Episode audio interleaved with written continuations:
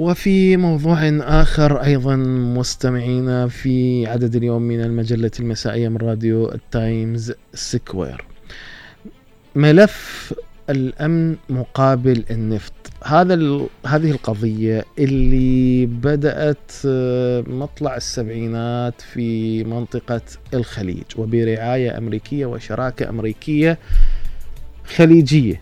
كيف آه، ممكن أن تنتهي. وهل تستطيع السعودية إنهاء هذا العنوان إنهاء موضوعة النفط مقابل الأمن الخليجي أو الأمن السعودي؟ بال 2019 في تحديدا يوم السبت 14 أيلول 2019 طائرات مسيرة تستهدف موقعين نفطيين حساسين شرق المملكة العربية السعودية وتعطل 5% من الإنتاج العالمي النفطي أي ما يقارب نصف الإنتاج السعودي وتسبب بارتفاع مفاجئ في أسعار النفط وأثبتت هذه الطائرتين المسيرتين هشاشة منظومة أمن الطاقة آه، في منظومة الإنتاج العالمي. بالمقابل أيضا هذه الحادثة وضعت آه، معادلة الأمن مقابل النفط موضع اختبار والمعادلة التي أسست لها آه، العلاقة السعودية الأمريكية بالسبعينات. في عام 1945 التقى مسؤول الدولة السعودية في ذلك الوقت عبد العزيز بن سعود الرئيس الأمريكي فرانكلين روزفلت. وكان هذا الاجتماع السري تاريخي ومؤسسا أو مؤسسا للعلاقات آه، بين الدولتين وهو الاجتماع المشار إليه عاد لتوصيف معادلة الأمن مقابل النفط وهنا تم تأسيس هذه الفكرة أو بذرة هذه الفكرة. رغم أنه لا توجد اتفاقية رسمية موقعة بين السعودية والولايات المتحدة الأمريكية إلى أن تعتبر السعودية هي الحليف الاستراتيجي الرئيسي في المنطقة للولايات المتحدة الأمريكية وبالتالي مصدر نفط وبعد الاتفاق هذا اللي صار أصبح النفط الولايات المتحدة الأمريكية كأكبر احتياطي عالمي يعتبر خزينا استراتيجيا. آه وبالتالي تعتمد النفط المستخدم والمستهلك في الولايات المتحدة الأمريكية على الاستيراد. وجل هذا الاستيراد يأتي من السعودية الحليف الاستراتيجي له لكن بالسنوات الأخيرة شفنا آه، تقلب كبير وعدم استقرار في هذه الشراكة وهذه العلاقات. لتصل إلى مرحلة آه، حكم الديمقراطيين للمنطقة. آه، آه، أو للبيت الأبيض وإدارة الرئيس الأمريكي جو بايدن وتبدل هذه العلاقات وتحول السعودية إلى بلد منبوذ وإعادة تقييم علاقات كما ناشد بعض اعضاء الكونغرس الأمريكي من الجمهوريين أو من الديمقراطيين عفوا من الديمقراطيين الإدارة الأمريكية الحالية بالمقابل أيضا السعودية الآن هي في طور إعادة تقييم العلاقات أو إعادة تقييم العلاقات السعودية الأمريكية. التقارب الروسي الصيني السعودي الآن ربما يعيد يدفع بالولايات المتحدة لتعيد حساباتها.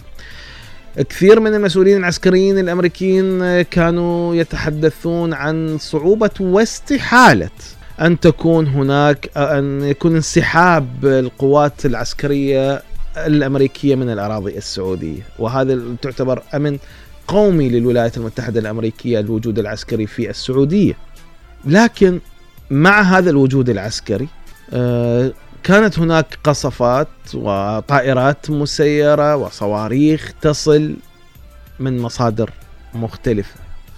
إذا كان هو العنوان الحوث آه، الحوثيين في اليمن فبالتالي مصادر هذه الصواريخ والطائرات المسيرة آه، مختلفة ومتنوعة.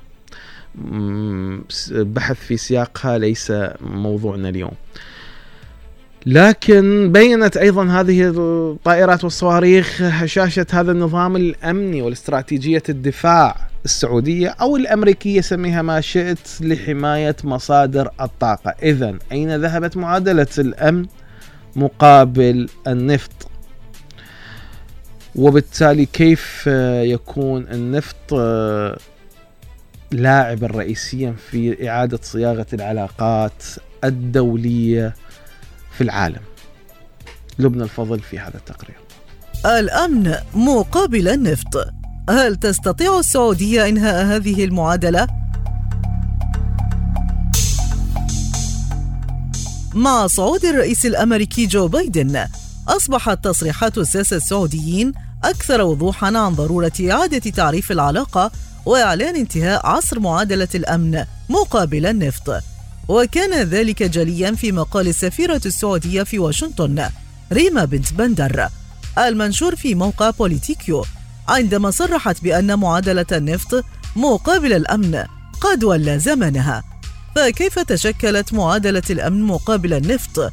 وكيف وضعت قواعد سوق النفط السعودي والعالمي وما إمكانية انتقال السعودية لمعادلة أخرى تكون فيها بكين وموسكو محورين رئيسيين.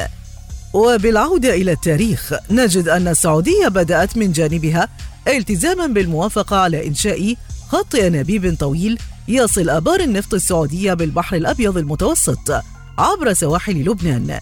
مع امتيازات للشركات الأمريكية في صناعة النفط السعودي. بالمقابل التزمت أمريكا بأمن السعودية ببناء قواعد قريبة من آبار النفط وقدمت برامج تدريب عسكري داخل السعودية. ولاحقا مبيعات السلاح الضخمة.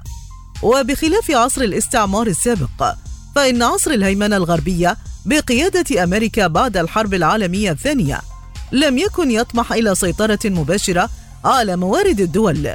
وشهد هذا العصر تفكيك المستعمرات وموجات التحرر الوطني في العالم الثالث.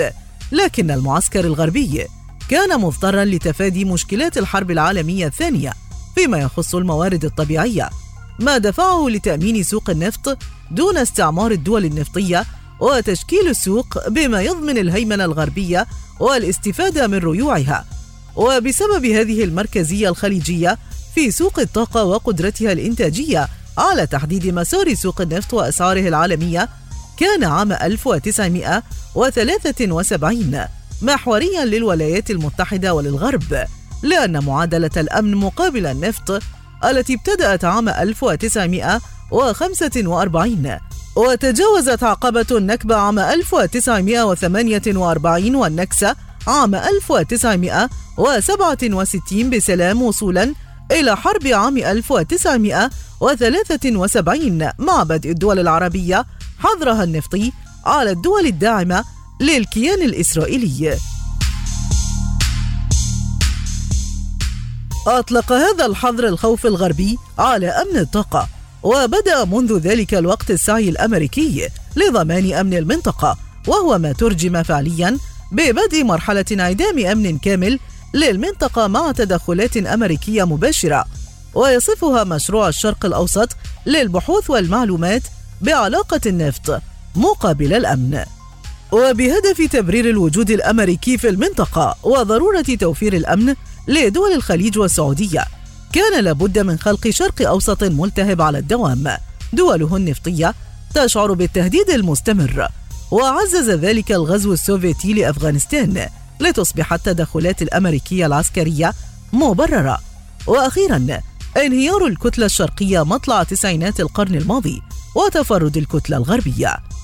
تكمن مصيرية الدور السعودي ببساطة في أن السعودية تمتلك القدرة الإنتاجية الأكبر في العالم احتياطات هائلة من العملة الصعبة وبذلك تستطيع تخفيض إنتاجها رافعة أسعار الطاقة عالميا أو تزيد الإنتاج فتخفض سعر الطاقة وذلك يعني أن سوق النفط ليست سوقا تنافسية بأي شكل بل يستطيع منتجا واحد التأثير بشكل كبير في أسعار الطاقة في العالم مع قدرة السعودية على استخدام احتياطاتها النقدية لتعويض خسائر انخفاض الأسعار.